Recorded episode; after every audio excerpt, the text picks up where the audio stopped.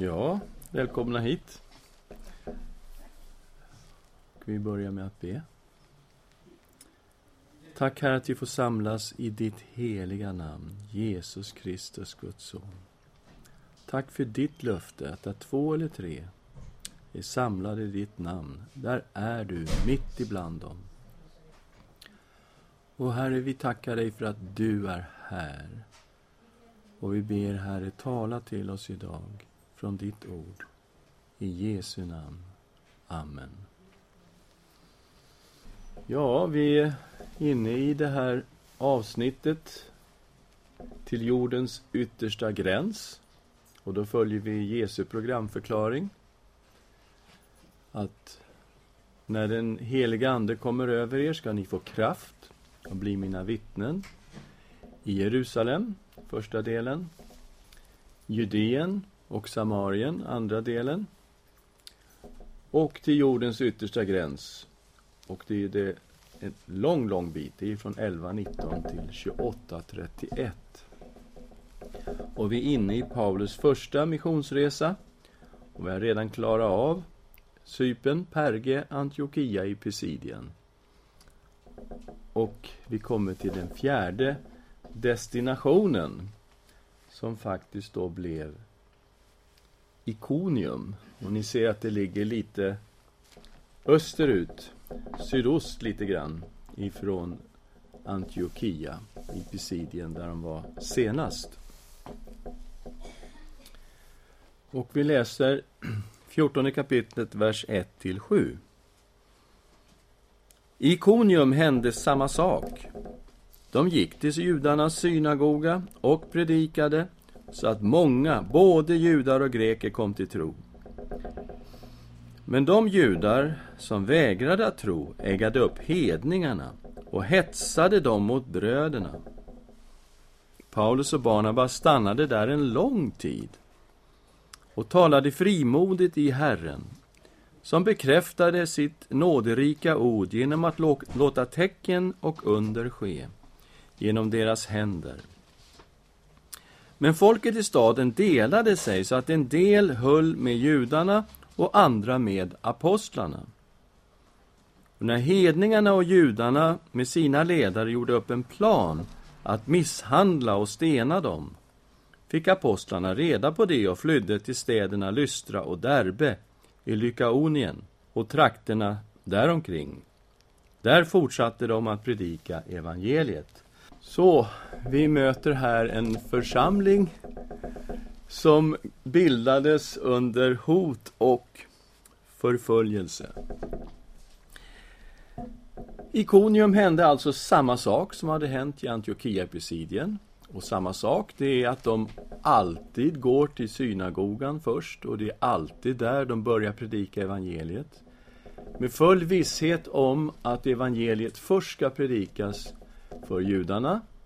Och det är också där de hittar människor med bakgrunden i Guds ord, människor som kan Gamla Testamentet ordentligt, som har lyssnat till bibelläsningen sabbat efter sabbat. Det är också där de hittar troende människor på det gamla testamentliga sättet. Människor som tror på Guds löften, men bara väntar på att få reda på att de är uppfyllda nu i Jesus Kristus. Och det finns en skörd att hämta i alla de här synagogorna. Och de gör precis likadant då i Ikonium som de gjorde i Antiochia i Pisidien. Och det står att det var många judar och greker som kom till tro. Men precis som hände i Antiochia i Pisidien hände samma sak här. Alla tar inte emot ordet och de som inte tar emot ordet, de börjar förfölja bröderna. Och förföljelsen blir svår. Eh, men trots förföljelsen så står de då inför ett övervägande. Ska vi dra vidare eller ska vi stanna? Och de vet att de här är nykristna, de behöver undervisning. Så det står att Paulus och Barnabas stannade där en lång tid och talade frimodigt i Herren som bekräftade sitt nåderika ord genom att låta tecken och under ske genom deras händer. Så mitt i den här förföljelsen, som var då ganska intensiv, kan vi föreställa oss, så fortsatte de.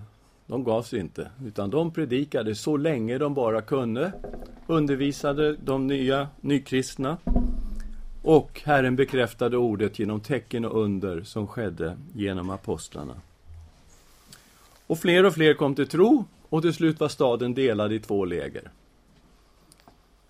Och det gick så långt att de hade alltså beslutat att stena dem. Det var deras beslut. Vi ska stena de här till döds. Därför att det var så man gjorde enligt en Moselag med hädare. En hädare skulle stenas. Det var så man gjorde med Stefanus, när man uppfattade att han hädade. Och det är samma sak här alltså. Apostlarna fick reda på deras planer, att eh, de kommer att bli stenade ganska snart, om de inte ger sig därifrån. Och då har de Jesu ord att gå på. Om de förföljer er i en stad, fly till nästa. Så de flydde vidare till Lystra och Derbe i Lykaonien. Och vi kommer till femte destinationen som blir Lystra. Ni ser att det ligger ganska rakt söderut och väldigt nära Ikonium egentligen. Inga långa sträckor däremellan. Det börjar mycket, mycket spännande. Ett helande öppnar dörren. Vi läser vers 8 till 13. I Lystra fanns det en man som från födelsen var lam i fötterna och aldrig hade kunnat gå. Han hörde Paulus predika. Denne fäste ögonen på honom och när han såg att mannen hade tro, så att han kunde bli botad, sa han med hög röst Res dig upp och stå på benen. Då hoppade han upp och började gå omkring. Och när folket såg vad Paulus hade gjort ropade de på lykaoniska. Gudarna har stigit ner till oss i mänsklig gestalt. Och de kallade Barnabas för Zeus och Paulus för Hermes, eftersom det var han som förde ordet. Prästen i Zeus-templet utanför staden förde fram tjurar och kransar till portarna och ville offra tillsammans med folket. Mycket, mycket intressant situation. Vilken öppning de får direkt här i Lystra. Paulus sätter igång och predikar. Och predikar förstås om Jesus. Och säkert talar han om Jesus som kan göra under och mirakler och som helar människor. Och medan han predikar så tittar han på en man som är född lam. Och han ser att han har tro. Och det handlar inte bara om att han har tro på tro, utan han har tro på det som Paulus undervisar om. Han har tro på Jesus och han ser det här. Och han bara ropar Paulus, säkerligen genom den heliga Andes ingivelse. Res dig upp och stå på benen. Och den här mannen då, som alla känner i Lystra, han ställer sig upp och börjar gå omkring där. Och det blir ett enormt hallå. De vet inte riktigt var de ska placera Paulus och Barnabas. De här är ju avgudadyrkare.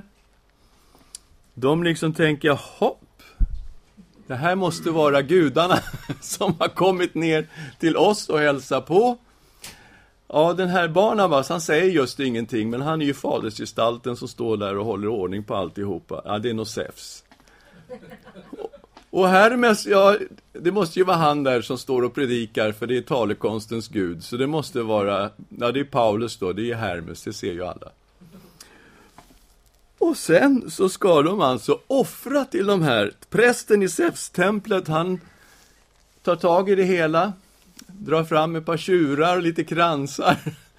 Och nu är det dags att offra till Paulus och Barnabas. Vilken situation alltså. Ja, till att börja med förstår de antagligen inte riktigt vad de säger. För Lukas säger att de ropar på lukaoniska. Gudarna har stigit ner till oss i mänsklig gestalt. Och eh, de kan väl inte lyckaoniska, så de vet nog antagligen inte vad de säger. De hör inte allt eh, vad som händer. Men det är klart, när tjurarna kommer fram Och de börjar med de här kransarna liksom sätta på huvudet på dem och då börjar de fatta att oj, här händer något som vi inte riktigt kan ställa upp på. Mm. Vi läser vers 14 till 18. När apostlarna, Barnabas och Paulus hörde det, red de sönder sina kläder, rusade in i folkhopen och ropade. Människor, vad är det ni gör? Vi är människor som ni. Vi predikar för er det glada budskapet att ni ska omvända er från dessa avgudar till den levande guden som har skapat himmel och jord, hav och allt som är i den. Han har under gångna släktled tillåtit alla hedna folk att gå sina egna vägar.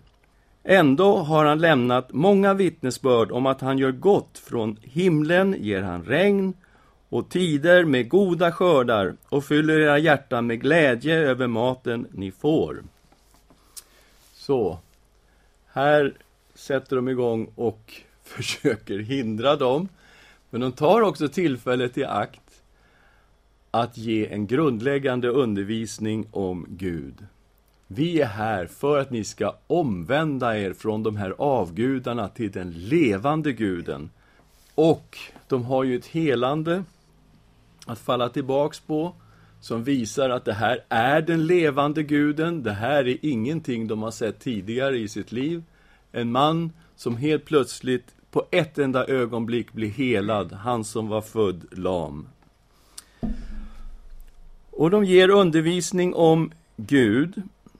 Han säger Gud är den som har skapat himmel och jord, hav och allt som är i den.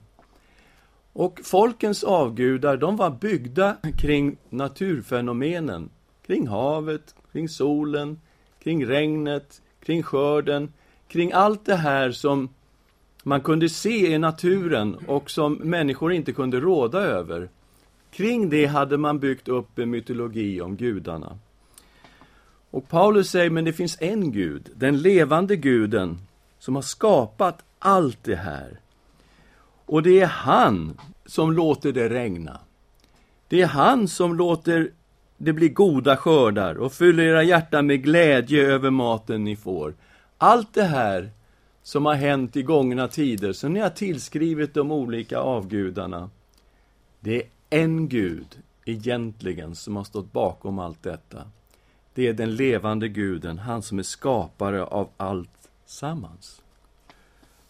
Och det var alltså med knapp nöd som de kunde lugna folket och hindra dem från att offra åt dem.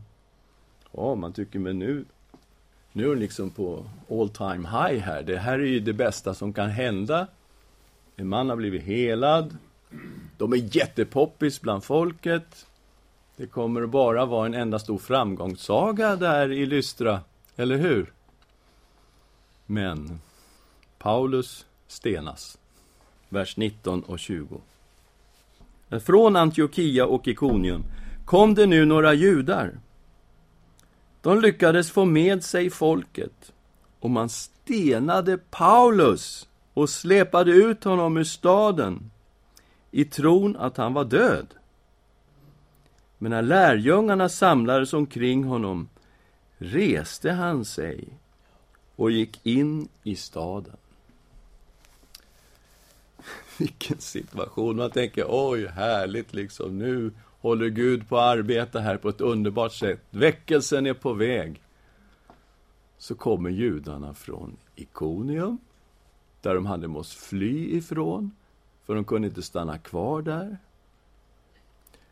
De kommer från Antiochia, de hade måste fly från Antiochia, de kunde inte stanna kvar där. Och det verkar ju som, eftersom det är judar från både Antiochia och Ikonium, så måste ju då de här judarna uppe i Antiochia ha dragit först ner till Ikonium, kanske till och med letat efter den här Paulus, träffat judar i Ikonium som hade beslutat att de skulle stena den här Paulus redan innan. Och nu då tänker jag, men de har bergis kommit ner till Lystra, det är nog inget konstigt med det, de är nog i Lystra nu drar vi ner och nu, nu tar vi livet av Paulus. Och precis det gjorde de. De kommer ner där, de lyckas på något sätt få med sig folket och de stenar faktiskt Paulus. Och så illa däran att han måste ju varit i koma alltså. De tror att han är död. De släpar den här livlösa kroppen ut ur staden. Och där ligger han. Lärjungarna samlas omkring vad de tror är en död apostel. Så illa är det. Men när lärjungarna samlades omkring honom reste han sig och gick in i staden. Så det är ett sorts mirakel. Om han blir uppväckt från de döda, det vet jag inte.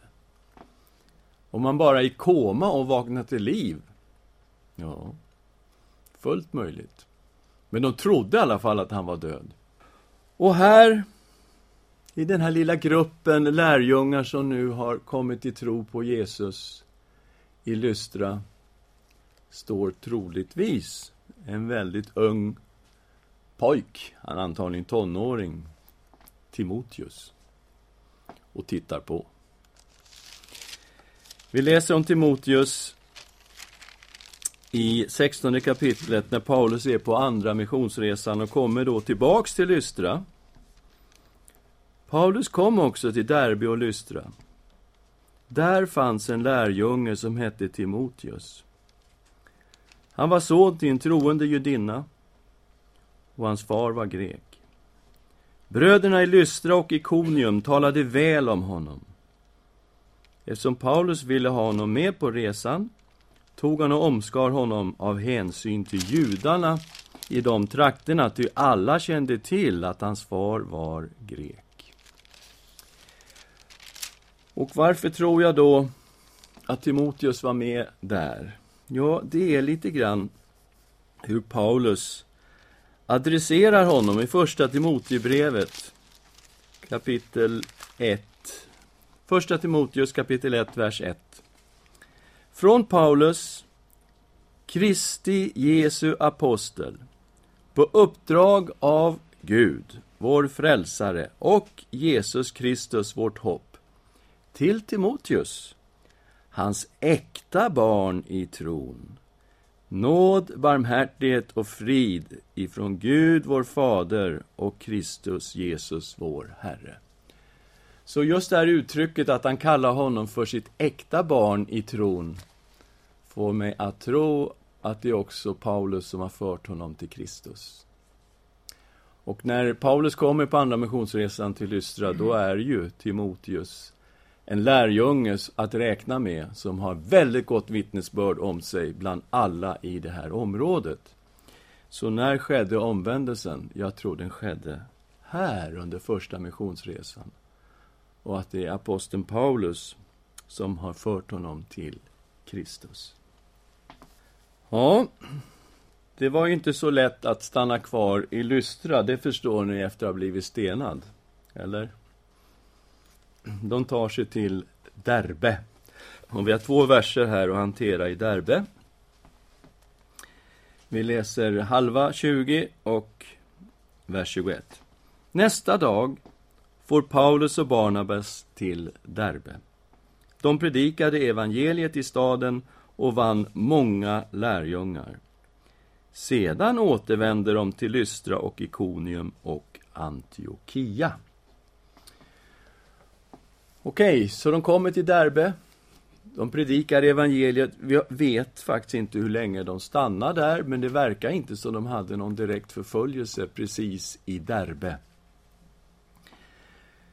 Nu har de ju ett beslut att fatta. Ni ser att de befinner sig ganska långt österut.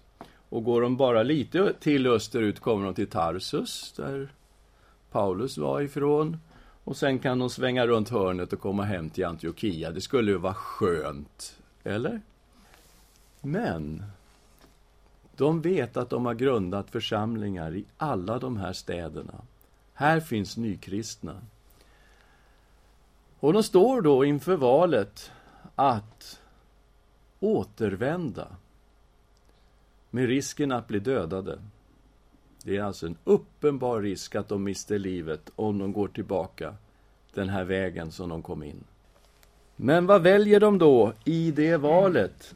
Ja, de återvänder och tillsätter äldste i varje församling. Och vi läser nu i 14 kapitlet, vers 21 till 24. Sedan återvände de till Lystra och Ikonium och Antiochia och styrkte lärjungarna och uppmanade dem att förbli i tron. De sa att vi måste gå igenom många lidanden för att komma in i Guds rike. I varje församling insatte de äldste åt dem och efter bön och fasta överlämnade de dem åt Herren som hade kommit till tro. Sedan tog apostlarna vägen genom Pisidien och kom till Pamfylien. Och sedan de hade predikat ordet i Perge for de till Atalja. Därifrån seglar de tillbaka till Antiochia. Så, de visste att de satte sina liv på spel, men de gick tillbaka. För de visste, här finns det nu nykristna församlingar och det finns någonting som återstår. De behöver mer undervisning och de behöver äldste. De behöver alltså få till en församlingsledning som fungerar här. De gick inte ut på torget den här gången, de gick inte till synagogan den här gången. De sökte upp husförsamlingarna och det var där de undervisade och tillsatte äldste. Man kan undra, hur kan det här fungera? Jag menar, tänk dig själv. Eh, helt nykristna människor och så tillsätter du äldste och så åker du därifrån. Du ber en bön, lägger händerna på dem och så åker du. Är det liksom eh, idealmönstret vi pratar om här? Nej, det är det väl inte. Men det är ju helt nödvändigt, det de gör. Det är ju en, en situation, de kan inte stanna kvar i det här området. De tvingas göra så här. Och det här var inte vilka nykristna som helst. Det var liksom inte som Kalle Jönsson som går här ute på gatan och inte vet vare sig hu eller bu om någonting som just har blivit kristen. Nej. Det här var människor som kunde Gamla testamentet.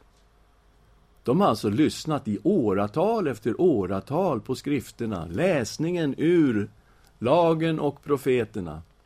De kunde ju Gamla testamentet.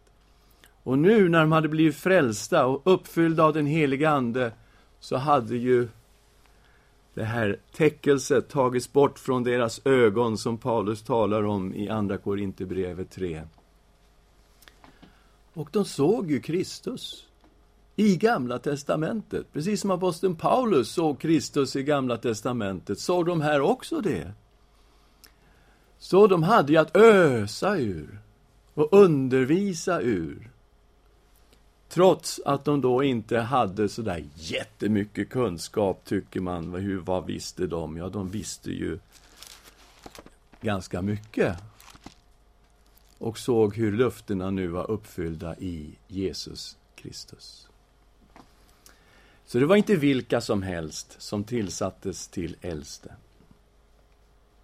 Men de fastade, bad, la händerna på dem och de hade säkert den helige andes ledning vilka de skulle tillsätta som äldste.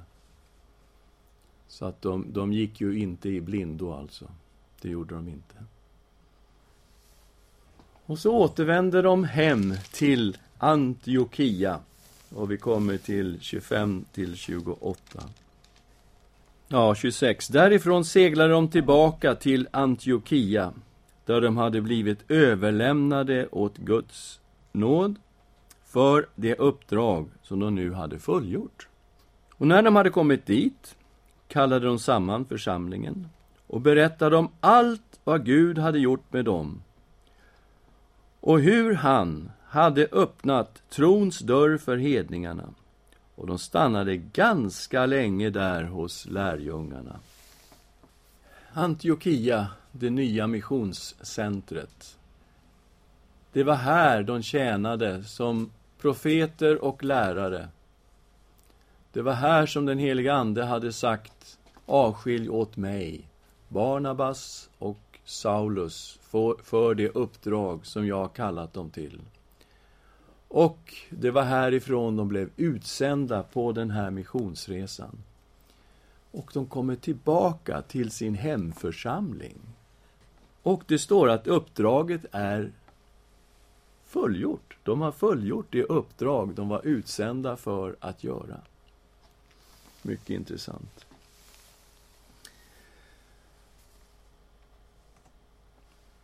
Och Antiochia blir en plats för vila och tjänst. Och här ser vi alltså ett mönster när det gäller utsändandet av missionärer. Med avskiljandet, med handpåläggning och bön, med utsändandet från en församling, med en församling som man sen kommer tillbaka till, rapporterar vad Gud har gjort och också en församling där man kan få finnas i vila inför nästa uppdrag och tjäna Gud i den församlingen tills det är dags för nästa resa. Ja, har vi några frågor på det här? Några tankar som ni har? Ja. Ja, det är en bra fråga om det var bara judar eller om det var judar och hedningar. Ja, de tänkte säkert i de termerna, tror jag. I de här synagogorna, då såg vi också väldigt tydligt i Antiochia-epicidien att det fanns de som fruktade Gud. Alltså det fanns judar och de som fruktade Gud. Och de som fruktade Gud var ju hedningar, men som trodde på det judiska sättet och som gick till synagogan varje lördag och tillbad precis på det judiska sättet. Och en del av de här var ju proselyter. Alla hade inte ännu hunnit bli proselyter. Här fanns ju troende i den gruppen. Och jag tror de hade tankarna åt det hållet som du föreslår. Att de säkert plockade någon också ifrån den gruppen. Och de hade ju också bakgrunden i, i Gamla Testamentet. Ja, intressant. Eh, här, eh, Paulus kallas för Hermes, vältalighetens gud, och ändå så säger han då i Första Korinthierbrevet att han inte kom med mänsklig visdom och att han inte var någon märkvärdig talare och så vidare. Och hur får man ihop den här bilden? Jag tror han var en strålande talare. Eh, när vi ser eh, hans predikan här i trettonde kapitlet, Antiochia-epicidien, vi ser senare hans tal i Aten, när han står på Areopagen och talar. Han är en fantastisk talare. Men vad är det då han far efter i Korint? Alltså det fanns ett sätt, en retorikskola kan man säga. Och den var han säkert inte skolad i. Eh, han hade ju vuxit upp i Jerusalem, han hade ju suttit vid Gamaliels fötter. Han var nog inte skolad i den här grekiska retoriken, hur man håller offentliga tal på det sättet. Men det var nog Apollos. Och eh, det var ju en delning där i församlingen i, i, i Korint. En del höll med Paulus, en del höll med Apollos, och en del höll med Petrus och några höll med Kristus. Och Paulus är ju redo liksom att rycka alla hårtestar han har och säger, har Kristus blivit delad? Men eh, sen pratar han lite längre fram om just Paulus och Apollos. Att Paulus var den som planterade, Apollos var den som kom och vattnade, det var Gud som gav växten.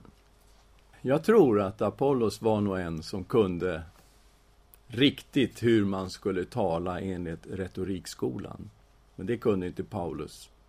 Men i Guds ögon och i Guds rike tror jag han var en strålande talare. Så han hänvisar till någonting, ett begrepp som de har, hur en talare ska vara för att vara vältalig. Och det ledde han inte upp till. Och det känner vi igen från Egypten, eller hur Maggan? Jag menar, jag predikar ju på arabiska, men jag kan alltså inte predika på klassisk arabiska. Utan jag talar ju talspråket, det man har på gatan när jag predikar på arabiska.